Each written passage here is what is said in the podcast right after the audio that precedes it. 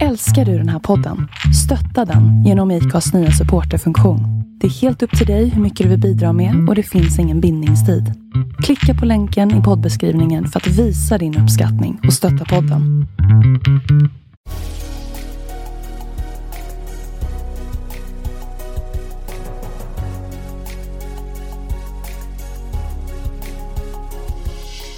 Välkommen till podden Vart är vi på väg? I denna podd intervjuar vi sociala entreprenörer och andra personer som är involverade i ekosystemet kring socialt entreprenörskap.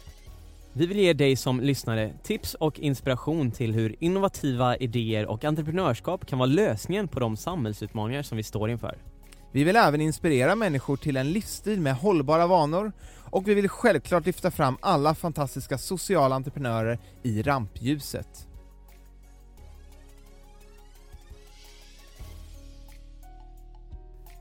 Detta avsnitt görs i samarbete med Social Innovation Summit i Malmö som är Nordens största mötesplats för människor som drivs av att utveckla vårt samhälle tillsammans med andra. Social innovation handlar enkelt uttryckt om att hitta lösningar på samhällsutmaningar. Ofta genom att skapa nya relationer och bygga broar för samarbete över sektorsgränser. Bakom Social Innovation Summit står Mötesplats Social Innovation, den samlande nationella kunskapsplattformen för social innovation och socialt entreprenörskap i samarbete med Malmö universitet och Malmö stad.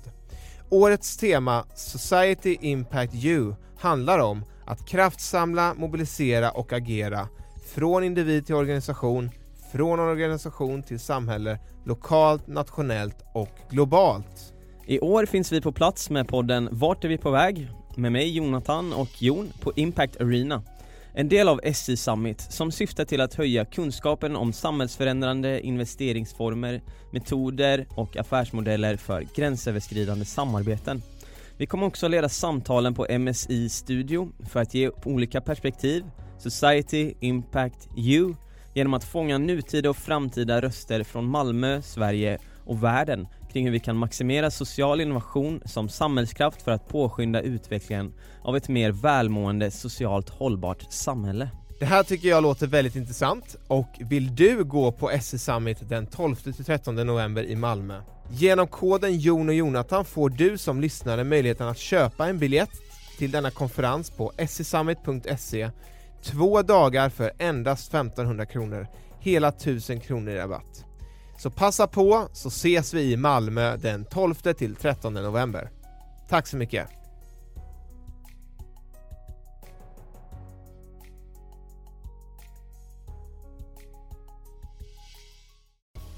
Välkomna till dagens avsnitt av Vart är vi på väg? Så kul att ha er med! Och jag vill bara på om att ni får jättegärna följa oss i våra sociala kanaler på Instagram, Facebook, LinkedIn. Ni hittar oss under Vart är vi på väg? Och ni får jättegärna ge oss betyg eller kommentera våra avsnitt på de olika podcastplattformarna som finns. Det skulle betyda jättemycket för oss. Men idag så har vi haft med oss en fantastiskt bra gäst i Charlotte Ahlgren Moritz som är ordförande för Mötesplats social innovation. Ja, Charlotte hon växte upp i Skåne efter gymnasiet så tog hon ett jobb som reseledare nere i Tunisien där hon väldigt snabbt fick testa på olika ledarroller och framförallt stå inför folk. Efter det så började hon studera vid Lunds universitet där hon läste ekonomi. Hon ville ha en bred utbildning. Något som har präglat hennes karriär sen är att hon inte har varit rädd för att testa nya saker. Och det syns genom att hon har haft många olika ledande roller inom olika organisationer som har varit verksamma i flera olika eh, skilda branscher. Det har varit både privat sektor och offentlig sektor. Och något som har präglat hennes sätt att leda och hennes sätt att sträva efter har varit att inkludera och hur kan vi jobba tillsammans mer gränsöverskridande? Ja precis, att inte fastna och det är väl också något som är viktigt för just det här med socialt entreprenörskap, att man tar det bästa från olika världar för att göra en samhällsförändring. Och med Mötesplats social innovation så vill de verkligen upplysa och eh, jobba med det här i Sverige kring social innovation, socialt entreprenörskap och få med sig både civilsamhället och politiken och och näringslivet på det här och eh, numera så sprider det här sig på olika universitet runt om i Sverige men det startade utifrån Malmö universitet. Så det här är ett jättespännande avsnitt, häng med oss! Ja, verkligen, så vi kör igång! Det gör vi, häng med!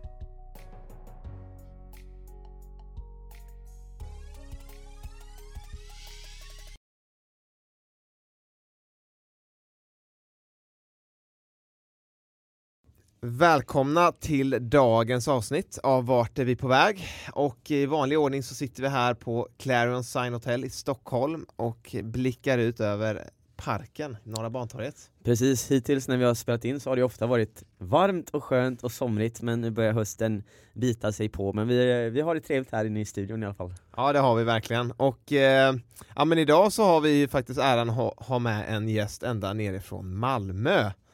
Välkommen hit Charlotte! Tack så jättemycket. Kul att ha dig här. Kul att vara här. Ja, har du haft en bra vistelse här hittills? Du brukar vara här uppe ibland. Ja, jag är här uppe ibland. Ja, men jag har haft en bra vistelse. Min dag har som vanligt bestått av en hel del möten. Ja, jag förstår det. Det blir mycket möten annars också eller? Ja, Mm. det har jag märkt när jag kom in i universitetsvärlden att eh, möten är någonting man är väldigt förtjust i. Mm. Så det är ungefär så min dag ser ut från relativt tidig morgon till sen kväll. Du kan ju berätta lite kort, du säger att du är inne i universitetsvärlden, på vilket sätt? Vad gör du idag lite kort? Mm. Jag är vice rektor på Malmö universitet eh, och mitt ansvarsområde ligger inom samverkansfrågor och innovationsfrågor.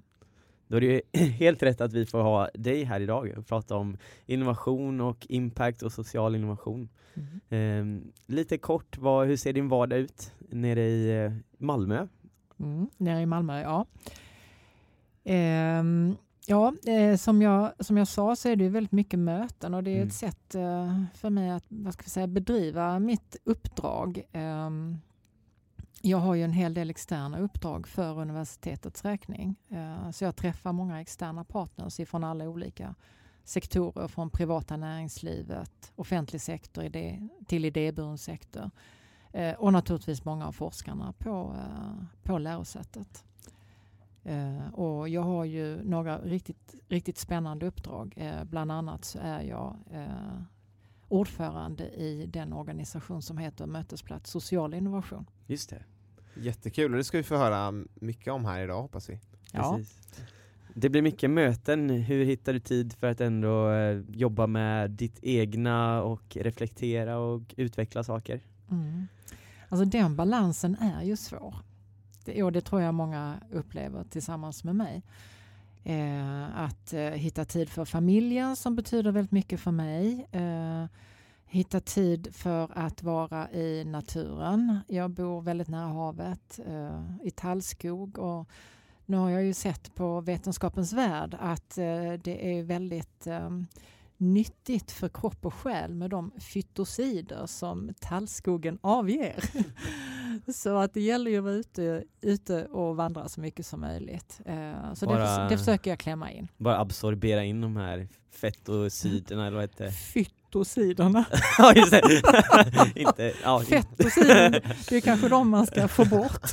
ja men precis, det, fittosiderna, det är viktigt där. Om vi går tillbaka, vi hör ju på din röst att du kanske har vuxit upp i Skåne och sådär. Eh, om vi backar bandet till början, vart föddes du? Jag föddes faktiskt i Västergötland. Okej, eh, i Borås. Eh, så att eh, min pappa var läkare och eh, man kan säga att vi flyttade mellan Skåne och Västergötland.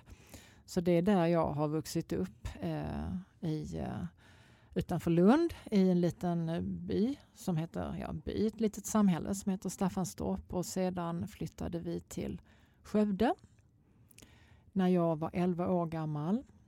Eh, men jag har lyckats behålla min skånska och inte blivit influerad av den västgötska dialekten som är ju väldigt utpräglad. när du flyttade till Skövde och kom där som 11-åring med din skånska dialekt, hur gick det då? Ja, jag tror att jag har haft lite tur för att eh, jag har alltid hamnat i den där ordentliga klassen. Eh, när man haft där klass A, B och C så har det liksom alltid varit en av dem som har varit lite ordentligare än de andra. Och där har jag alltid lyckats hamna av någon anledning. Så det har varit lite tur så att jag blev enormt väl eh, mottagen. Sen har, självklart har jag blivit retad för min dialekt. Det här, hade ju varit konstigt annars. Men eh, eh, på så sätt har jag haft väldigt god skolgång måste jag säga. För att eh, min bästa väninna träffade jag när jag var 11 år. Eh, och hon är fortfarande min bästa väninna. Och det, den typen av vänskap är ju o, oerhört värdefull. Mm. Har du några syskon när du växt upp nu? Mm, jag har två bröder. Eh, en yngre och en äldre. Hur har det varit att vara ensam tjej? Eh, jag kanske tur att jag var just ensam tjej och mellanbarn för då eh, blev jag ju inte bortglömd helt och hållet. Ju. Så att det har varit bra. Det har ju varit tufft att växa upp med bröder men det lär ju, har ju lärt mig i alla fall att det gäller att ta plats. Mm. Mm. Det kanske är någonting som eh, också har hjälpt senare i livet? Ja det tror jag. Mm. Eh, en av de sakerna som jag liksom upptäckte kanske mer känslomässigt än, eh, än sådär konkret tydligt, det var ju att det är ändå skillnad mellan flickor och pojkar. Och både i familjen men också utanför. Så det är någonting som jag nog alltid och som vuxen har blivit har varit väldigt, väldigt väl medveten om. Eh, reflekterat över och också kämpat mot. Mm. Vad bestod din eh, barndom om an, eh, av annars? Eh, jag har ju alltid älskat att eh, hoppa i havet och simma och bada och sådär. Så att jag, eh, jag hamnade i simklubb på fritiden och simmade väldigt mycket. Och tävlingssimmade och så. Men som många andra när jag kom i tonåren så eh, slutade jag med det. Och då var det roligare att hänga med tjejkompisarna och gå ut och prata och så. Det här med simning är ju en- verkligen en individuell sport Mm. och eh, du flyttade ju mycket. Var det att du sökte dig till de här individuella sakerna och sammanhangen där du fick på något sätt eh, jobba med ditt egna eh, ist- istället för att kanske ha det här sammanhanget som ett lag eller sådär? Det har jag inte funderat så mycket på. Ehm, ofta gör man ju undermedvetna val. Ja. Så att det, man kanske, jag kanske har gått i en viss riktning. Jag tror att jag som person har också väldigt stort behov av att ha min egna sfär. Eh, att pendla mellan att vara i ett team och en grupp. Och, eh, för det är liksom, där finns ju en enorm dynamik. Eh, men också bara det här att ha tyst omkring mig och inte behöva prata eh, och bara vila. Liksom. Låt oss eh, backa tillbaka och försöka hålla oss till någon slags kronologisk ordning här. Vi, nu är vi i Skövde, Mm. 11-åriga Charlotte. Vad, Mm. vad kommer nästa steg med högstadium, gymnasie och sådär? Ja, hö- både högstadium och gymnasium eh, så gick jag, eh, var jag kvar i Skövde. Men eh, samma dag jag tog, eh, jag, jag gick ut gymnasiet tog jag både den examen, mitt körkort och sedan gick flytten tillbaka till Skåne. och det, jag, jag hade en fantastisk uppväxt i Skövde men det bekymrade mig inte ett dugg att flytta därifrån. Eh, för att jag har väl också haft det här, jag har haft lite äventyrslust och eh, har eh, alltid varit intresserad av att testa någonting annat och tänja mina egna gränser tror jag. Och våga hoppa. Blev det universitetsstudier direkt här efter? Ja, det hade ju mina föräldrar väldigt gärna önskat, men det var inte riktigt eh, min tanke då. Så att eh, jag pluggade lite grann eh, på någon eftergymnasial utbildning i, i Helsingborg, mest för att få lite kompisar där egentligen. Men sedan så ville jag ju väldigt gärna ut och resa. Så mitt första jobb det var som reseledare på en resebyrå som heter, hette Spis, en dansk resebyrå som nog inte finns längre. Eh, och eh, då fick man själv, det var ett väldigt smart upplägg. Eh, vi fick själv betala vår utbildning två månader på Mallorca och vi var väl kanske 150 personer. Det var ju jättekul på väldigt många olika sätt. Ja. Men eh, sen var vi väl ett 20-tal som fick jobb efter det. Eh, och jag var en av dem eh, och då eh, var mitt första resledaruppdrag i Tunisien i Oj. Nordafrika. Hur var det? Ja, det var ju jättespännande. Jag kom ju dit en, en jag kommer aldrig glömma det. Man tror ju man kommer till ett varmt härligt land. Det är ju så långt söderöver. Det vräkte ner regn och det var kallt och jag dumpades i en eh, bungalow, fuktig bungalow på ett hotell. Eh, men så där så var det ju bara liksom att ta tag i jobbet och, och det var otroligt utvecklande och jätteroligt. Eh, och utmanande också.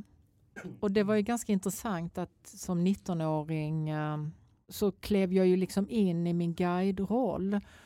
Och när man har en buss med 60 personer i alla möjliga åldrar och som fullständigt förlitar sig på att nu fixar du det.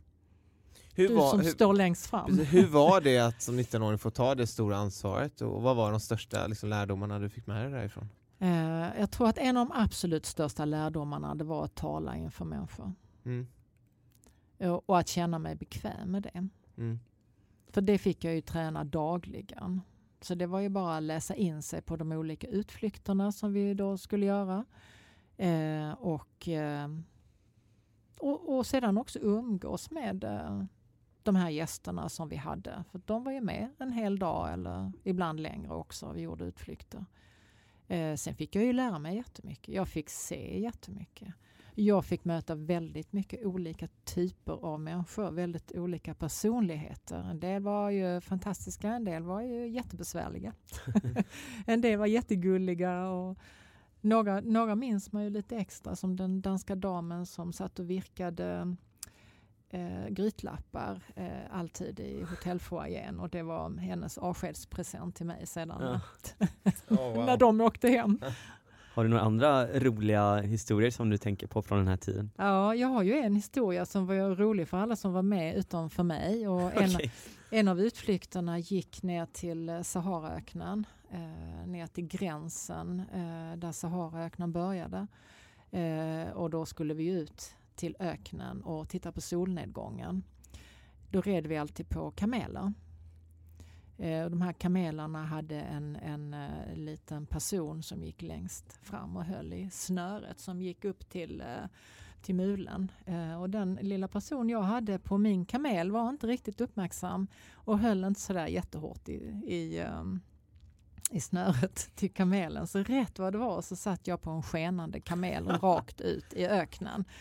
Och turisterna trodde att det var ju liksom en del i hela upplägget, men det var det ju inte. Det slutade lyckligt och alla var glada. Jag var kanske lite svettig, men eh, det hände ingen, uh, hände ingen uh, större olycka. Wow! och det, så det är ett väldigt speciellt minne som jag aldrig kommer att glömma. ja. Och från de där roliga historierna på andra sidan jordklotet, vad hände sen efter det? Ja, sen blev det Marocko en omgång eh, och eh, sedan så eh, tyckte nog mina föräldrar att skulle jag inte ha ett riktigt jobb. Eh, och det är klart att man är påverkad av vad föräldrar tycker och tänker oavsett att jag inte kanske alltid själv eh, såg det. Så att jag sökte mig då till universitetet eh, och till Lunds universitet blev det. Jag sökte en så bred utbildning som möjligt för jag hade ingen aning om vad jag ville bli för någonting. Och vad som skulle liksom vara mitt nästa steg. Så jag läste ekonomi i Lund. Eh, och hade superroligt. Det var riktigt. Var det framförallt att det var roligt? ja, alltså... inte, så, inte just med lärandet och... Eh... Man kan säga det är säkert väldigt många som kan säga att de upptäckte, oh det här fastnar jag för och så. Men det gjorde inte jag utan, utan jag tog mig igenom det där och tyckte att det var intressant men det var för mig ganska långt ifrån. Jag, kunde liksom, jag hade svårt att översätta det jag lärde mig på universitetet i en verklighet. Så det var ju först efter när jag hade börjat jobba som jag kunde se den kopplingen. Men jag, jag såg den inte där. Jag håller med just det här med att eh, från mina egna studier att man inte lär sig man lär sig väldigt mycket men ibland kan det vara svårt att se vad jag egentligen lärt mig, vad jag fått för mm. verktyg. Men när man kommer därifrån så förstår man att mm. man har lärt sig kanske mer ett angreppssätt och mm. eh, ett sätt att ta sig an olika mm. problem och utmaningar. Mm. karriär i korthet då? Du började på ett eh, kemiföretag Ja. som controller Mm. och hur har det sett ut i korta drag fram till idag? Sen gick jag ganska snabbt till ett medicinteknikföretag för att jag var ju intresserad av det internationella och de sökte en eh, internationell controller.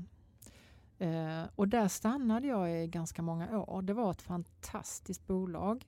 Eh, hette Gambro, fanns i Lund. Eh, det bolaget har genomgått sedan dess väldigt mycket förändringar. Men eh, det var ett internationellt företag som tog väldigt väl hand om eh, sina medarbetare.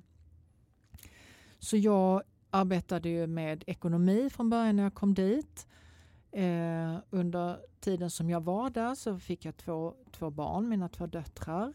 När jag kom tillbaka efter sista eh, barnledigheten så gick jag rakt in i ett helt nytt jobb på marknadssidan. Och sen jobbade jag med marknad, försäljning som produktchef och marknadschef. Eh, jag var där i ganska många år. Var det att du själv ville testa något nytt och det blev just marknad? Mm. Jag ville testa någonting nytt. Eh, Jag gick ett, eh, Eh, ett ledarskapsprogram för unga ledare i, eh, i hela den här internationella organisationen. Um, Och när jag hade gjort det uh, och jag kände att jag var ganska färdig med ekonomisidan. Jag ville göra någonting annat. Och de- den personen som var personaldirektör var också lite grann av en mentor för mig som sedan följde mig i många år. Uh, och han ringde mig en dag när jag var hemma då med mitt uh, andra barn och sa ja, men nu har vi ett jobb här eh, som internationell produktchef. Det tycker jag du ska ta. Så att då, gick, då lämnade jag eh, mammaledigheten. Och, och Hur gick du iväg lite tidigare då eller? Ja. Och hur, vad tog du vägen sen? Sen blev jag rekryterad till ett IT-företag som VD. Eh, och eh, det här var ungefär mitten på 90-talet. Och nu är det väldigt, väldigt svårt att tänka tillbaka. Liksom att just i den där svängen där början på 90-talet så började vi skicka e-post till varandra. Eh, när jag kom, en av anledningarna till att jag tyckte att det var väldigt spännande med det här bolaget då. Dels var det ett dotterbolag så att det var lite lagom så att säga att bli VD för det. Eh, men eh, det var också informationsteknologi och det visste jag egentligen inte mycket om. Eh, och det är just det här liksom att hoppa och utmana sig själv. Dels var jobbet som sådant utmanande naturligtvis men sedan var det också att det var en bransch som jag på något sätt kände att det här vill jag förstå mer om. Hur var det att hoppa in i en helt ny bransch? Eh, jag tänker, många kan ju tänka sig att ah, men jag måste söka jobb inom någonting jag kan eller sådär liksom. Men hur var det att Mm. hoppa in i något nytt?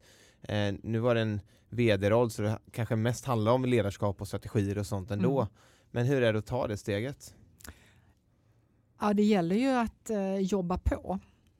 Mm. Eh, för det är ju alltid så när du kliver in i ett nytt jobb. Det finns ju alltid aspekter som du inte har fått information om eller inte är medveten om. Oavsett om det är liksom inom vad ska jag säga, personal, hur personalen mår eller eh, om eh, resultatet är, är på rätt nivå eller eh, om man står inför stora utmaningar av olika slag. Eh, så det, må, det måste man ju vara beredd på. Man måste vara beredd på att lägga väldigt mycket jobb. Mm. Samtidigt så är det ju väldigt belönande. Mm. Och det är väl kanske en sak som jag har lärt mig under årens lopp att nästan oavsett i vilken bransch eller sektor du befinner dig så allt det du lär dig kommer du att ha glädje av och nytta av någon gång senare i ditt liv. Fast du vet inte exakt när och just där och då kan det ju kännas varför gjorde jag det här? Men det har varit en väldigt, eh, en väldigt bra lärdom för mig. Ja, vi pratade lite om det här innan vi började spela in att just att du du har ju känt att du hoppat väldigt mycket mellan olika Mm. grejer och att du så här, mitt i det där kanske kände att men vad gör jag? Är jag på väg åt rätt håll eller osmart liksom? För jag, jag kan Mm. tänka att många tänker så här, men jag måste göra det här för att jag har en rätt karriär. Men du har ju bytt väldigt mycket. Ja. Även att du har stegrat då i roller eller i Mm. titlar om man säger, så har du ändå bytt väldigt mycket. Ehm, vad kan du känna att liksom det någonstans, hur har det format dig som person att liksom kunna ha en större kanske omvärldsanalys eller liksom se? Mm. Uh, alltså det har ju, um, jag tror att det har, det har gett mig en väldig trygghet i, i att jag vet att jag kan klara av nästan allting på ett eller annat sätt. Um, för, för mig har det ju varit det är också stimulansen och att utmana mig själv. Eh, och det tror jag lite för när jag gick från, gam, från, gick från det här IT-bolaget då så, så flyttade jag till ehm, eh, ett annat lite, lite större IT-bolag där jag kände att det här var lite mer drag under galoscherna. Och det här var liksom runt 2000-2001 precis när vi, euforin, euforin var som allra störst. Eh, och då flyttade jag också till Finland och blev VD på ett, eh, på do, ett dotterbolag där. Så där höll jag mig liksom inom samma bransch kan man säga, men i en annan kultur. Men därifrån sedan så klev jag in i en helt ny bransch egentligen. Eh, och då gick jag in i det här public private och blev VD på en forskningspark i Malmö. Jag återvände tillbaka till Skåne. Eh, så att jag är nog ganska orädd, jag är ganska modig så att säga på att kliva ut, eh, på, eh, kliva ut i okänt vatten. Eh, så det har du gjort. Plus att jag har också lärt mig att så jättestor skillnad är det inte mellan olika branscher. Det mm. är ju ändå människor som finns överallt. Mm. Så eh, ledarskapsfrågan är alltid Densamma? Kanske det, ja, den är densamma och kanske den viktigaste alltid. Mm. Under alla de här åren och olika roller och eh, genom, genom livet, eh, vad är det för samhällsfrågor som har varit extra viktiga för dig? Det som jag pratade lite grann om tidigare när jag tänkte tillbaka liksom till min barndom så är det nog den här känslan att det finns ändå någon form av orättvisa mellan pojkar och flickor. Så jämställdhetsfrågan, eh, och jag tror att den har drivit mig också. Jag har ju haft utmaningen att alltid vilja vara den, den här duktiga flickan. Alltid leverera, alltid liksom vara på topp. Och det är klart att det är kanske inte alltid den bästa strategin. Eh, men det är en av de sakerna som, har drivit mig eh, väldigt mycket. Eh, så den är, och den är väldigt viktig fortfarande. Därför att det här är ingen puckel som vi är över i samhället utan den finns. Den finns, har funnits i alla branscher jag har varit i den finns i akademin. Eh, alltså den behöver arbetas med, synliggöras och förändras konstant. Så det har varit för mig en väldigt viktig drivkraft kan man säga från tidigt. Men det som sedan har blivit också en väldigt viktig drivkraft för mig det är samarbete över gränser.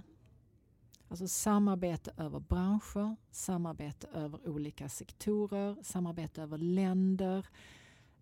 Där finns någonting i det mellanrummet där det uppstår liksom en dynamik som kan förflytta berg. Och när man hittar den, och det är den som jag är helt övertygad om att den måste hittas på många olika nivåer för att kunna driva på en samhällsförändring. Ja, det där är jätteintressant för det, det har jag hört många som pratar om just det här med ja, men att ta, ta det här samhällsengagemanget eller jobba med hållbarhet inom företag och man har klassiskt då haft en chef som ska ta hela det här ansvaret och sen så jobbar det på en egen sida liksom. men mm. nu måste det liksom genomsyra hela mm organisationerna. Så det mm. där är ju verkligen någonting som är på tapeten just mm. nu. Hur bygger bolag sin verksamhet där det mm. hela företaget genomsyras mm. av hållbarhet då eller vad man nu, vad man nu mm. har. Då.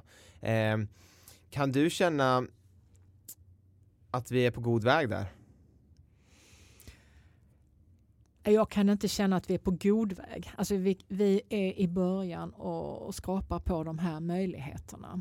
Eh, och eh, jag tror att de de gigantiska samhällsutmaningar som vi står mitt i, inte som vi har framför oss, mm. utan som vi står i, de pockar på så otroligt mycket att vi kan liksom inte ducka längre. Eh, så företag, eh, lärosäten, kommuner, regioner, oavsett liksom vilken del av sek vilka sektorer du representerar, så måste vi börja ta ett ansvar för de här frågorna och försöka förstå hur kan vi koppla dem till vår affärsidé eller vår verksamhetsidé eh, för att de ska bli en integrerad naturlig del, ingenting som vi sysslar med med vänsterhanden. Där tror jag att vi är väldigt mycket i början. Därför att vi drivs av så olika incitament. Eh, och eh, i, i väldigt många offentliga verksamheter så finns det väldigt tydliga silos där den ena förvaltningen inte pratar med den andra. Eh, och hur hittar vi kopplingarna här mellan? Hur hittar vi kopplingar mellan polis, socialtjänst, sjukvården Mm. till exempel. Mm. Vi på Malmö universitet har ju alla de här utbildningarna. Så här har vi ju en roll att kunna göra en koppling väldigt tidigt så att de här yrkeskategorierna Mm. faktiskt kanske gör en del kurser tillsammans och förstår lite grann bättre varandras villkor. För att det där att förstå vilket språk talar du, vilket språk talar jag och hur, hur möts vi? Vilka gemensamma intressen har vi? Vilka gemensamma nämnare kan vi enas om? Att det här är en fråga, det här är ett problem. Vi behöver lösa det, men vi kan inte göra det som eh, enskilda organisationer. Nej, det är väl jätteviktigt det där att civilsamhället, po- politiken och näringslivet möts ännu mer för att tackla utmaningarna. Det går inte att jobba i egna silos liksom kring det. Nej. Eh, och där är det en jättestor utmaningen. Eh, bland annat kring just det här med integration och Mm. mycket av den problematiken vi ser nu med mycket med, ja, med våldet som, utspre- eh, Mm. som eh, Ja. tar plats. Liksom, att vi Mm. måste jobba förebyggande tror jag. Mm. Att inblanda själv en del sådana engagemang och, och just hur viktigt det är att se varandra och se hur kan vi jobba tillsammans för det här. Mm. Eh, Det handlar inte bara om att ta hårt mot hårt utan det är en kombination av att, Ja. att ta det polisiära kontra det långsiktiga förebyggande arbetet Mm. där det är mer mjuka värden och Mm. relationsbyggande. Liksom. Och, och den typen av, av ska vi säga, samarbeten över gränser kanske man eh, behöver driva på med olika incitament. Till exempel i ska vi säga, mötesplats social innovation där jag då är ordförande och som är ett av mina eh, bästa uppdrag eh, måste jag säga därför att det är så engagerande. Där försöker vi ju skapa mötesplatser där olika delar av samhället möts kring en gemensam fråga. Eh, för det handlar ju om att skapa den här förståelsen för varandra. Eh, och vi vill ju också väldigt gärna lyfta goda exempel, för det är också exemplets makt tror jag är viktigt. Att, eh, att visa på där någonting har lyckats, där det har varit framgångsrikt. Eh, så det, det ser vi ju som en av våra missioner, eh, så är det att lyfta fram goda exempel. Det kan vara olika typer av partnerskap. Det kan vara en social entreprenör som liksom har lyckats skala upp sin verksamhet. Det kan vara ett samarbete mellan ett etablerat företag och en entreprenör där man har hittat den gemensamma nämnaren där man tillsammans kan eh, driva något framåt. Mm. Jag tänker på just det här när vi ändå kommer in på det mötesplats social innovation som du är ordförande för. Eh, vad är det för något och vad är det ni gör? Det är en del av Malmö universitet eh, och det vill jag också tillägga att ni är ju en, det universitet i Sverige som ligger längst fram i de här, i, kring de här frågorna med social innovation och impact och, och det här som vi, som vi i den här podden pratar väldigt mycket om. Ja, Eh, men, men vad är det ni gör liksom i den här verksamheten? jag tror det som har drivit fram den här verksamheten det är att Malmö universitets bas är ett väldigt starkt samhällsengagemang. Och det avspeglar sig väldigt mycket i den forskning vi gör som ju handlar om integration, migration, välfärdsfrågor, bostadsfrågor. All- Alla, alla de här eh, utmanande frågorna, hälsopromotion, hur förhindrar vi att vi hamnar i olika eh, diagnoser. Så redan 2010 så bildades eh, Mötesplats social eh, innovation eh, och fick då, och då redan från början så har det varit en kunskapsnod, en samlande nationell kunskapsnod där vi lyfter frågor kring social innovation och socialt entreprenörskap. Mm, och det gör vi för att sprida kunskapen. Um, och vi både liksom inhämtar vad man gjort i andra delar av världen, alltså inhämtar kunskap, utvecklar kunskap tillsammans med andra, men framför allt delar det vi kommer fram till. Så att fler ska få ta del av det. Och det, det, har vi också, det är så väldigt tydligt att det finns en väldigt stark efterfrågan. När vi, jag säger, för fem år sedan när jag kom in i detta så var det en väldigt stark efterfrågan från näringslivet på hur gör vi den här kopplingen mellan vårt sociala ansvarstagande och vår affärsidé. Nu är det många företag som är där, inte minst bostadsföretagen där man gör investeringar i utsatta områden. Sen finns det en helt annan kritisk diskussion kring det också, det är, det är jag väl medveten om. Men det bostadsföretagen till exempel gör tillsammans med kommunen är ju att anställa personer i de här utsatta områdena som varit utanför arbetsmarknaden. Man engagerar dem i sitt eget boende.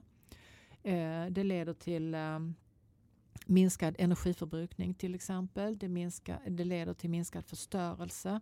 Och då ser man ju väldigt tydligt en koppling till den egna affärsidén. Det vill säga det egna bostadsbeståndet blir mer värt. För kommunen får man ökade skatteintäkter. Så här finns, och det är den här liksom det är den här typen av exempel som kan tjäna som inspiration och väcka nya idéer om, om nya typer av samarbeten. Mm. Och skulle du säga då att det, det ni gör det är väldigt forskningsbaserat och väldigt mycket liksom studier och sånt för att hjälpa och stötta och upplysa egentligen? Eh, man kan säga att det, det här med forskningen det sker ju inne på universitetet.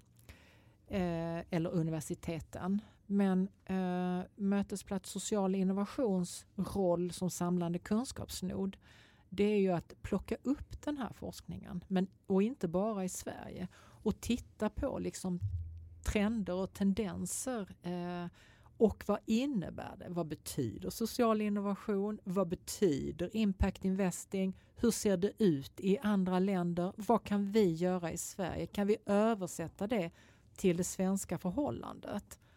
Därför väldigt många, det är inte så att nu, nu har ju politiken för första gången tagit fram en, en, en, en strategi och en agenda för sociala företag. Det är ju en effekt av att vi har drivit de här frågorna. Vad innebär den? Ja, den innebär att man pekar på det som man tillsatt lite pengar. Eh, 150 miljoner eh, ifrån regeringen eh, över två år, tre år. Eh, men så pekar man också på några områden. Man till exempel, hur får vi eh, tillgång och efterfrågan att mötas. Det vill säga hur kan en ny innovativ idé som kan uppstå hos en social entreprenör möta en efterfrågan till exempel i offentlig sektor. Mm. Hur kan de här mötas? Hur kan man skapa den marknaden? Om man möts, hur ska den här metoden, modellen, produkten finansieras? Man kanske behöver nya modeller för finansiering. Hur ska resultatet mätas? Mm. Och det är kanske en av de allra hetaste frågorna just nu. Hur mäter du som social entreprenör att det du säger och det du vill åtgärda att det verkligen också inträffar och att din metod, modell, produkt är orsaken till Mm. att man uppnår det här resultatet. Den, den är oerhört viktig. Så det här finns med eh, i regeringens strategi. Och i regeringens strategi finns också med mötesplatser för kunskap inom området. Och där har regeringen pekat via Vinnova pekat på mötesplats social innovation. Eh, så där arbetar vi ju nu väldigt intensivt för att eh, tillsammans med eh, andra universitet skapa regionala sammanhang under hatten Mötesplats social innovation. Fortfarande en organisation men där vi bygger regional styrka så att vi får ut det här, eh, det vi vet eh, till ännu fler. Och där har ni ju något som heter Social Innovation Summit också som eh, är eh, något som en plattform för att nå ut med det som ni har kommit fram till. Kan du berätta lite om det? Social Innovation Summit startade vi för fem år sedan. Eh, så det är en, en årlig summit, en årlig konferens. I år går den av stapeln 12-13 november i Malmö. Eh, och eh, på den här konferensen så vill vi ju att människor ska mötas sociala entreprenörer, med kapitalet, med den potentiella kunden som kan vara offentlig sektor eller privata aktörer. Eh, vi vill visa på goda exempel. Vi har internationella spår. Eh, det här är ingen svensk mötesplats längre. Det är i högsta grad en nordisk mötesplats och i viss mån en internationell mötesplats också. Eh, därför att vi har ju vad ska vi säga, ledande personer inom det här fältet som, eh, som kommer till Malmö och eh, berättar om sina erfarenheter och lyfter liksom det senaste. Vad är just det senaste som du nämner här? Vi pratade lite om det här med nyckeln i att kunna mm. hitta sätt och metoder att kunna mäta mm. sin impact och eh, samarbete mellan mm. offentlig sektor och sociala mm. entreprenörer. Hur ska det här upphandlingen fungera och så här. Men ja. eh, vad är annars i pipeline som ni kommer fokusera på på detta års eh, summit? Ja, alltså det är väldigt mycket de frågorna som du har lyft. Därför att jag tror att, eh, om jag tar till exempel effektmätning. Jag tycker själv att det är väldigt svårt att tänka i de här termerna. Att en aktivitet är, är någonting. Men vilken, vad är utkomsten av den aktiviteten? Och vad är egentligen mitt långsiktiga syfte? Att, att, att förstå och förklara det att själv förstå det utifrån sin affärsidé eh, och sedan förklara det också för en, eh, en potentiell investerare. Eh, det, det, här är ju egentligen en nyckel för vilken entreprenör som helst men man kan säga att det här fältet har ju kanske en utmaning därför att det är väldigt har väldigt många gånger varit väldigt ideellt och idé, alltså man är väldigt idébaserad. Um, och man har liksom det här högre syftet. Men man behöver också förklara den, eh, det genomslag och vad det ekonomiskt kan innebära för samhället. Det är då som en investerare kanske tydligare kan förstå. Mm.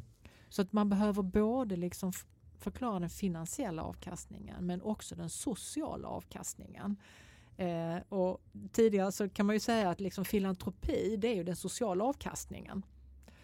Och ett rent riskkapitalbolag eh, det är ju den finansiella avkastningen. Det är det som styr. Här ska du vara mitt emellan de här två. Och det är klart att det är lite svårare. Det kan vi ju bara rent känslomässigt känna det är väl också en svår fråga för folk att känna så här, ja nu ska jag göra gott och sen tjäna pengar. Det har väl varit den här mm. kanske en klassisk grej att så här, antingen så är man en eldsjäl och då kanske det har varit lite tabu att tjäna pengar mm. eller man ska göra det ideellt allting. Men hur ser liksom, och det är mycket det av många av dem vi har haft med här liksom att ja, men du måste tjäna pengar för att också kunna göra en stor impact. Mm. Du ska inte tjäna pengar för att ta ut dem kanske i egen ficka utan liksom, hur kan vi få se en stor impact i samhället genom att våga mm. tänka liksom, ja, men kommersiellt på det sättet eller våga tänka riskkapital eh, för mm. att kunna accelerera mycket. Ja. Eh, och, och det finns ju många initiativ nu som jobbar så. Liksom. Eh, men jag kan väl tänka mig utan att jag vet och det får ju du gärna tillägga på att mm, den här sociala impacten då om man jobbar mer mot kanske eh, statlig eller politiken där är väl den extra svår kanske att mäta så här, vad gör jag faktiskt för förändring om det gäller mot människor eller vi mm. stoppar utanförskap. Det finns ju mycket studier på det, liksom, mm. vad det kostar om, mm. man, om man inte lyckas stoppa, stoppa ja. utanförskap och sånt. Mm. Eh. Och jag tror att man, man behöver tänka eh, liksom i termer av vad hade hänt ändå? Mm. Eh, och hur förstår vi den här förändringen som jag vill åstadkomma? Eh, både naturligtvis i upplevelsen för individen men också i ekonomiska termer. Eh, så där det finns ju inom, jag kan inte detta i några detaljer, eh, men till exempel inom eh, forskning kring hälsa Eh, så det finns eh, metoder eh, att mäta. Så det är klart att i den, akademi här i den akademiska världen en roll att också kliva in och vad ska vi säga, kritiskt reflektera kring vad innebär effektmätning och mäter vi verkligen rätt saker? Eh, och hur kan man liksom titta på olika modeller eh, Eh, för effektmätning och return on investment i sociala termer. Vad är realistiskt, trovärdigt? Alla modeller passar inte för alla case utan man måste kunna ha liksom en tror jag lite grann ett, ett ramverk för effektmätning där det finns olika metoder och modeller som man kan plocka ur. Um, finns det några bra sådana som har kommit fram och konkretiserats redan? Ja, det gör det. Uh, och vi har ju tagit fram en bok uh, som ju är tillgänglig för alla. Uh, det här är ju typiskt ett sådant sätt som vi arbetar mm. på på Mötesplats social innovation det är en, en handbok som heter Alla pratar om det men få gör det. En handbok i effektmätning. Grymt, den måste vi lägga upp sen och extra om så folk får ta del av. Och där, där, jag tycker den är väldigt bra därför att här finns ju då sociala exempel på sociala entreprenörer som har använt sig av olika modeller och fått hjälp med det. Men här finns också lite eh, beskrivning av till exempel theory of change Alltså hur går du tillväga tillsammans med din grupp när du startar ditt sociala företag? Alltså hur ska man tänka? Vilka olika steg kan man ta? Så att här finns lite praktisk, praktiska tips. Sen kanske man inte kan genomföra allt det här men man kan få en liten guidning på vägen. Och det är väldigt mycket det vi vill göra. Lyfta goda exempel, peka på den forskning som finns, den kunskap som finns men också tillsammans med andra utveckla ny kunskap driva på på nationell nivå, både politik och policy. Du var ju också inne lite här innan på att prata om att det behöver utformas nya finansieringsformer för att kunna möta de här nya eh, innovationerna som kommer och kunna jobba då med en social påverkan eh, i olika frågor. Som en del av det här så, så 2013 av den dåvarande premiärministern i England så startades en, en grej som heter Social Impact Investment Task Force Eh, som sen byttes namn till Global Social Impact Investment Steering Group eh, där det idag ingår 21 länder i EU eh, där då också Sverige vill bli en del och eh, ni på Mötesplats social innovation är en del av det eh, och sitter med i styrelsen för den här National Advisory Board som håller på att tas fram. Hur går det arbetet och vad innebär det? Ja, den här National Advisory Board for Impact Investing, eh, den svenska delen, eh, bildades formellt i april. Eh, och nu är vi en styrelse som sitter här ett år för att eh, driva igång en, eh, eh, en, en hel del arbete kring det här.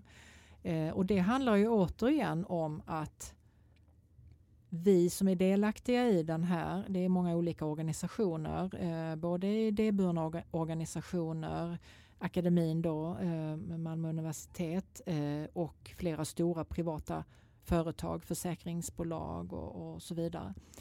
Eh, och, vi, och, vi, tror att det behövs liksom en ny ekonomi. Eh, vi behöver en, en, ny, eh, en ny utveckling eh, för att kunna investera i social hållbarhet på olika sätt.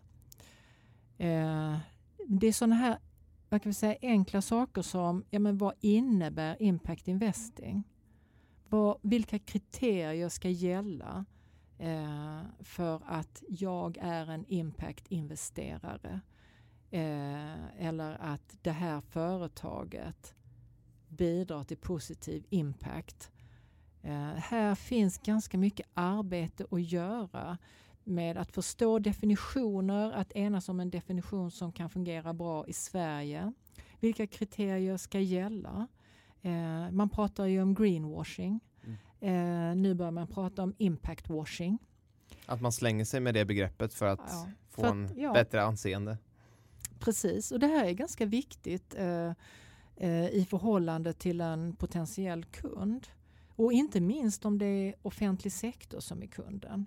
Och sen behöver det tas fram nya finansieringsformer, precis som du var inne på. Gröna obligationer finns. finns det, nu tittar man ju på det som kallas social impact bonds. Eh, det finns säkert andra modeller. Eh, ska det finnas eh, statligt riskkapital som går in och finansierar eh, sociala entreprenörer? Ska man göra det i partnerskap med andra? Hur ser det ut med de stora eh, pensionsfonderna? Får de lov att investera i den här typen av bolag? Kanske inte nu, men det kanske de behöver göra framöver. Så att här finns väldigt många frågor. Så att, att driva vad ska vi säga, fram eh, både en kunskap och eh, exempel och testa case. Mm. Eh, behöver vi göra även inom detta området. Men det svarar ju också upp mot regeringens strategi kring eh, en finansiell marknad för impact-investerare. det här är ju superspännande mm. och ett väldigt viktigt arbete som ni gör. och det här kallas ju Advisory Board, Nordic Advisory Board for mm. Impact Investments. Och hur, på vilket sätt är ni en rådgivare? Är det till regering eller vilka är det ni en rådgivare till? Ja, det är en väldigt bra fråga. Eh, ett sånt här National Advisory Board kallas det ju därför att det samlar olika aktörer eh, i det här fallet i Sverige. Då. Eh, och, och, då är vi ju en speaking partner framför allt i förhållande till den globala organisationen utifrån det svenska perspektivet. Och vad gör vi i Sverige som kan bidra på en internationell nivå? Och vad gör man internationellt som vi kan plocka hem och kanske använda i Sverige? Sen vill vi ju vara en speakingpartner till regering naturligtvis och det hoppas vi att vi kommer att bli så småningom naturligtvis men, men också till offentlig sektor, till den akademiska världen, till den privata världen, till, till sociala entreprenörer. Det ultimata syftet är ju att utveckla den finansiella marknaden och göra kapital tillgängligt för eh, sociala entreprenörer men också annan typ av impactinvestering. Mm. Så du hoppas egentligen då på att vi kan se fler människor våga testa nya sätt att investera i mm. sådana här olika innovationer som har en, en tydlig samhälls och mm. social prägel? Ja men precis och en av våra drivkrafter, en av mina drivkrafter är ju att eh, Malmö universitet fick i samband med sin universitetsstatus för två år sedan möjlighet att bilda ett holdingbolag. Så vi har ett statligt holdingbolag som ska vara ett verktyg för oss att investera i universitetets egen forskning. Och eftersom vi har väldigt, en väldigt stor andel samhällsvetenskaplig humanistisk forskning eh, och jag vet eh, att det finns naturligtvis väldigt intressanta forskningsresultat som man kan betrakta som social innovation. Även om våra forskare inte skulle kanske använda det begreppet. Och här vill jag lära mig och vi lära oss i den här alldeles nybildade styrelsen i vårt holdingbolag. Hur kan vi använda holdingbolagets investeringsmöjligheter för att driva på eh, bolag, andra organisatoriska former som, som eh, kan bidra till positiv impact i samhället. Ja, här går ni verkligen i bräschen då får man säga. Ja, ja men det tycker jag. Mm. Vi, vi ligger väldigt rätt i tiden men det gör vi också i vår forskning. Eh, och då vill vi att det ska hänga ihop i, i alla de olika delar som vi arbetar med. Mm. Där vår forskning en del, holdingbolaget är en del, hur vi arbetar med våra forskare inom de här ämnena. Hur vi har satsat väldigt mycket eh, tillsammans med, eh, med Malmö stad bland annat i mötesplats social innovation för att skapa liksom en höjd kunskapsnivå inom området Mm. i hela Sverige. Mm. Men det verkar ju verkligen, eller det hör vi tydligt att ni ligger i, i framkanten även på universitetet kring de här ämnena. Eh, jag har också hört från flera som studerar på universitet idag, kanske så här klassiska inom ekonomi, management, konsult och de här rollerna liksom att det finns en efterfrågan idag med den generationen som kommer ut också så Mm. är det ju liksom man är ju mer medveten om att man vill jobba på ett arbetsplats som gör något bra man vill liksom, ja det är Mm. viktigt de här eh, men man efterfrågar fortfarande att så här, skolans värld har inte kommit dit än eller universitetets värld är inte Nej. riktigt där entreprenörsdrivet finns idag liksom. Ni ligger ju i framkanten där men många andra universitet verkar ju sakna det här. Vad tror du det beror på? Kanske massa anledningar men Ja, säkert många anledningar, men eh, vi pratar ju om de här frågorna. Man kan säga att vi, vi är som universitet från början extremt samhällsengagerade och det märker man väldigt väl i lärarkåren. Alltså det är genuint, det finns i vårt DNA. Eh, det innebär ju också att vi pratar med våra studenter om hållbarhetsfrågor. Vi har till exempel en masterprogram kring Leadership for Sustainable Development eh, som är ett exempel där vi, där vi pratar om de här frågorna. Vi kan titta på våra studententreprenörer så är nästan 60 procent av dem skulle beteckna sig själva som sociala entreprenörer och förhåller sig till Agenda 2030-målen på ett eller annat sätt. Vi mäter det också på det viset. Vi frågar dem liksom, hur förhåller ni er till?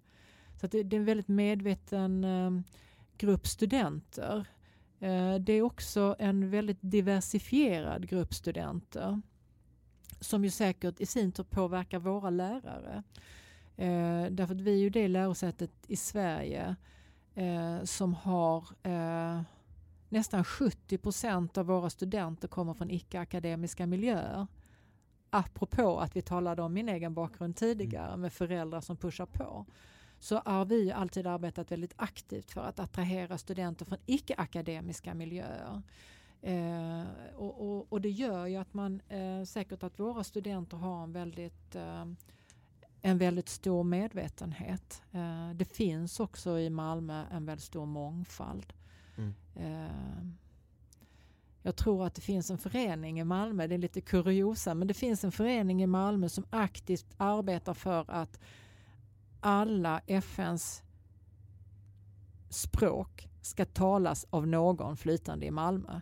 Mm. Och nu tror jag att man saknar 12 Oj. wow! typ. Och, och då arbetar man aktivt, inte bara för att man ska komma och hälsa på oss i Malmö, utan man ska faktiskt vara aktiv och verksam i Malmö. Mm. Det säger någonting om, eh, eh, om den eh, dynamik som finns i staden. Vad kan andra universitet göra för att eh, följa er då? För det, du sa ju det här att ni försöker sprida det här Mm. eh, mötesplatsen eh, på andra universitet.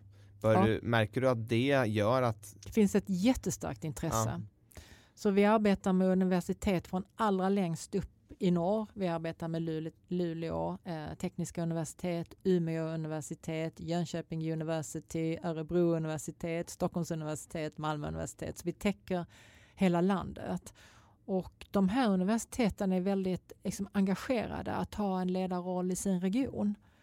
Eh, och så att det är liksom ett sätt för oss att, eh, eh, att verkligen bygga ny kunskap. Och det är klart, där finns ju eh, forskare på de här universiteten som har ännu mer att liksom dela med sig av. Så att vi, vi försöker verkligen samla ihop oss och bygga en, en eh, kraftfull eh, organisation som kan stå för reell påverkan i ännu större utsträckning än vad vi har gjort hittills. Och Social Innovation Summit kan man säga är ju egentligen ett årligt uttryck för det. Mm. Och det som är väldigt intressant när det gäller Social Innovation Summit det är ju att näringslivet kliver på nu. Man vill vara med här, man vill förstå, man vill lära sig. Det är väldigt kul allting som händer och som du berättar om att täcka in hela Sverige här och att fler och fler hakar på tåget. Eh, om vi kollar på din eh, definition, vi har pratat lite om definitioner så här av socialt entreprenörskap och att ni jobbar med det på olika sätt. För dig, hur skulle du definiera det begreppet? Alltså för mig är socialt entreprenörskap en drivkraft att en drivkraft att göra samhällsförändring på ett nytt sätt. Och den drivkraften kan ta, ta sig ett uttryck i att någon person eller en grupp bildar ett företag eller en annan, form av, en annan organisatorisk form.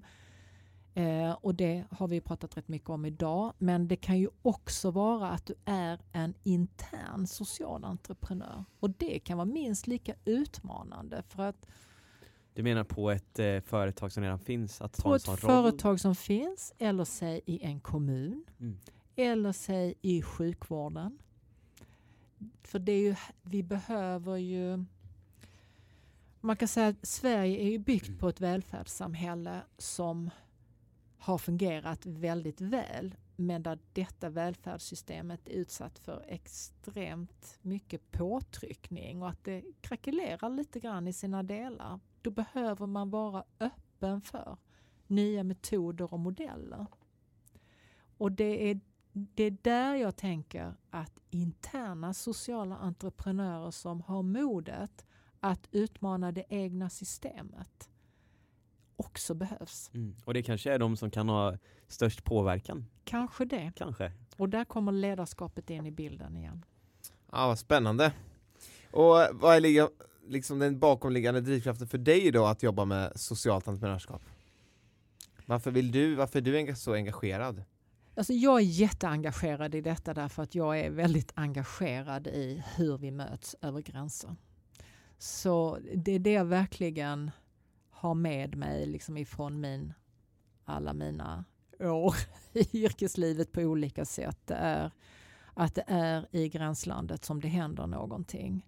Och jag har sett en nyfikenhet på Sverige och jag tror att en av våra verkligen kompetitiva fördelar i Sverige det är att vi är duktiga på att samverka över gränser. Vi är inte så hierarkiska. Vi lever i en konsensuskultur vilket ibland kan vara en black om foten men i den här frågan som handlar om att våga närma sig varandra över gränser så tror jag att vi har ett försprång. Och det tror jag vi kan utnyttja. Men vi har en ganska lång väg att vandra. Ja, det tycker jag väl att vi ska säga att Sverige är väldigt bra på, det du säger. Eh, vi ser ju, det är ju en extrem, liksom, eh, vad ska man säga, positiv trend med folk som vill starta företag och som vill lösa Ja. utmaningar och man är väldigt öppen för att samarbeta Mm. med varandra. Det finns jättemånga stora sådana här coworking-ställen där de sitter och Mm. jobbar ihop. Man Mm. har inkubatorer tillsammans. Eh, det finns investerare och företag som vill gå in och hjälpa de här liksom, att tänka kanske rent kring grejer man inte har så bra koll på att liksom supporta. Så det finns ju verkligen ett bra ekosystem idag för det här i Stockholm. Så det är jättekul att se och det, det, det bådar väl ändå gott får man väl säga. Ja. Att ett litet land som Sverige ska kunna vara i fram, framkanten av det här. Ja. Och Eh, det, och det tror jag absolut att vi kan vara och, och säkert är i vissa områden, helt klart. Eh, och det, men sen gäller det ju alltid, alltså, du kan ju inte vila på lagrarna. Du behöver ju hela tiden liksom ta nästa steg och bryta nästa barriär. Eh, och det tror jag vi också är, är ganska duktiga på. Eh, så vi, vi är ju ganska kaxiga emellanåt. Mm. Så det ska vi fortsätta vara. mm. Mm. Och om vi zoomar ut eh, lite mer då, och tänker lite mer holistiskt. Eh, vi brukar alltid ställa den här frågan i podden. Eh, hur tror du att världen ser ut om tio år? Har vi Mm. löst? Är du optimist eller pessimist? question. Precis. Är du pessimist eller optimist eh, kring just det här med samhällsförändring och det vi står inför idag? Har vi löst flera problem? Eller vilka Alltså, problem är- har vi kvar? Är jag min pessimistiska... Är jag, på- är jag på en pessimistisk dag så tror jag att vi får ett varmare och varmare klimat och vi får ett kallare och kallare mänskligt klimat på, i världen. Eh, men ska jag vara på min optimistiska sida så kan vi förhoppningsvis tygla den här klimatförändringen och kanske plana ut eh, i allra bästa fall. Eh, och hoppas att vi har lyckats ta några teknologi, teknologikliv så att eh, våra planeträddningsmöjligheter har ökat.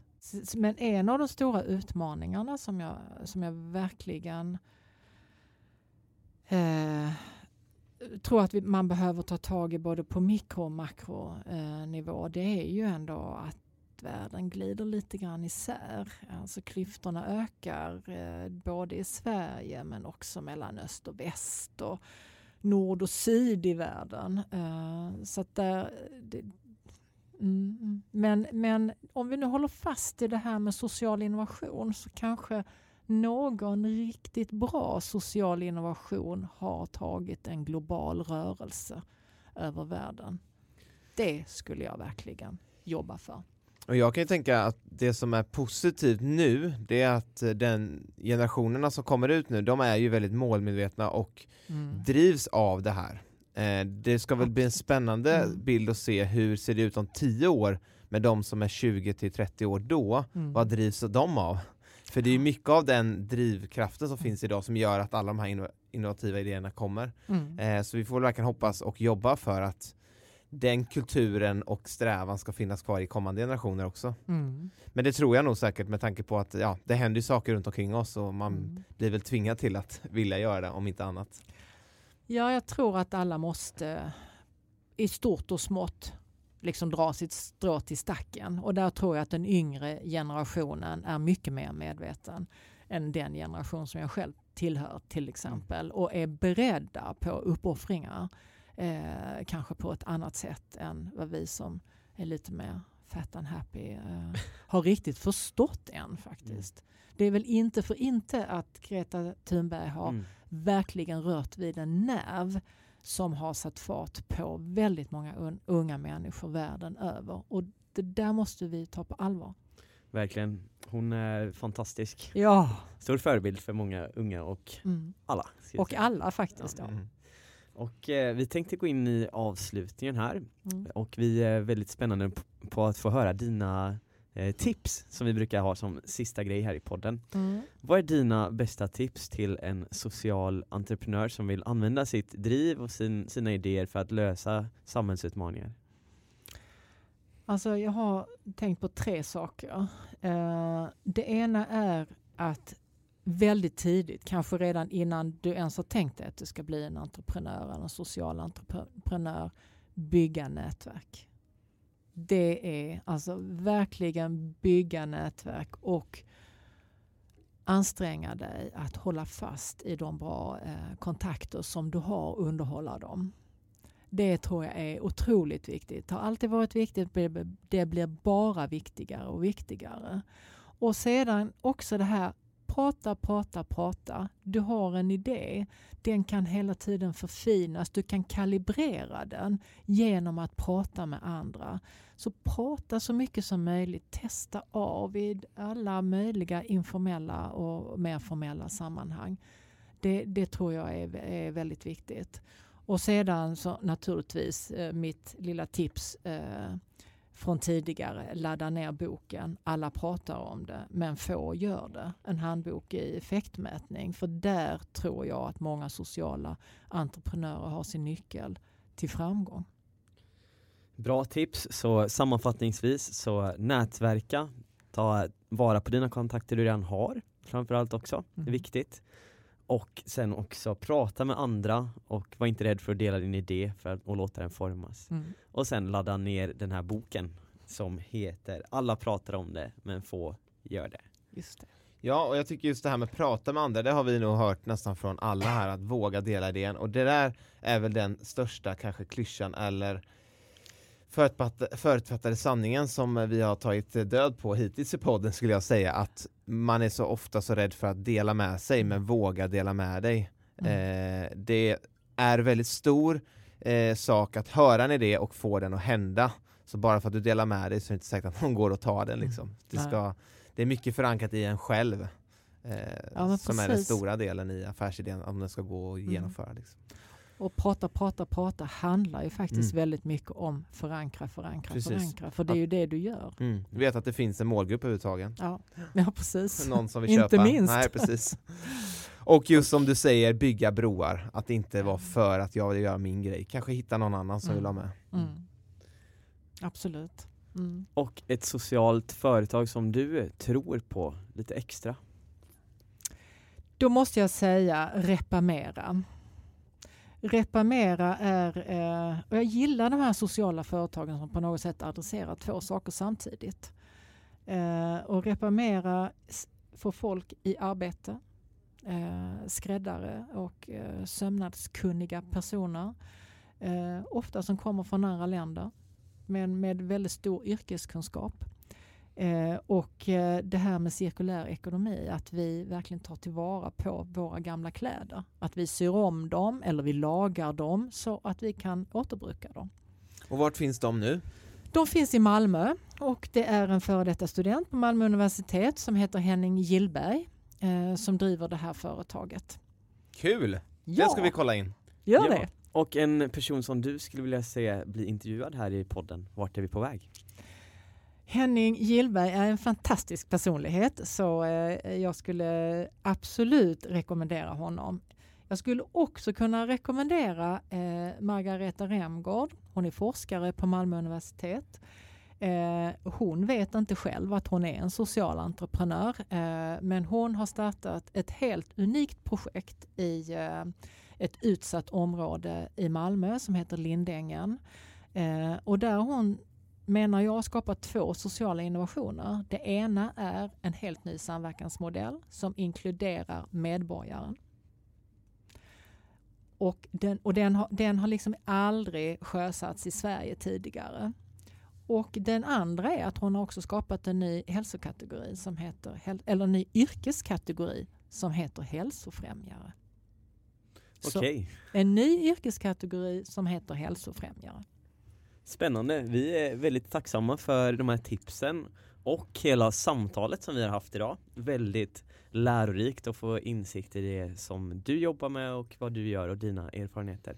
Ja, verkligen intressant och det här var verkligen ett avsnitt som gick lite mer på djupet och, och pratade om social innovation i stort och, och sådär. Det är alltid intressant att, att få de här olika infallsvinklarna i ämnet. Så tack så jättemycket! Tack ska ni ha, det var jätteroligt. Tack så mycket för att du har lyssnat på dagens avsnitt.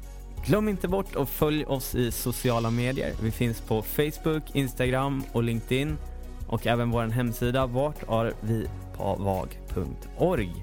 Och om du har möjlighet så får du jättegärna gå in och ratea våran podd på iTunes. Yes, och för dig som vill ta del av podden ytterligare så tycker jag att du ska gå in och signa upp dig för vårt nyhetsbrev där du varje vecka får en liten kort resumé av avsnittet men också de bästa tipsen och de bästa insikterna från gästen som vi har haft med oss. Eh, så om du har varit ute på språng och inte haft möjlighet att anteckna något så gör det ingenting utan du får det på ett mail veckovis. En riktigt bra deal helt enkelt. Så se till att signa upp dig så fort som möjligt så ses vi nästa vecka igen.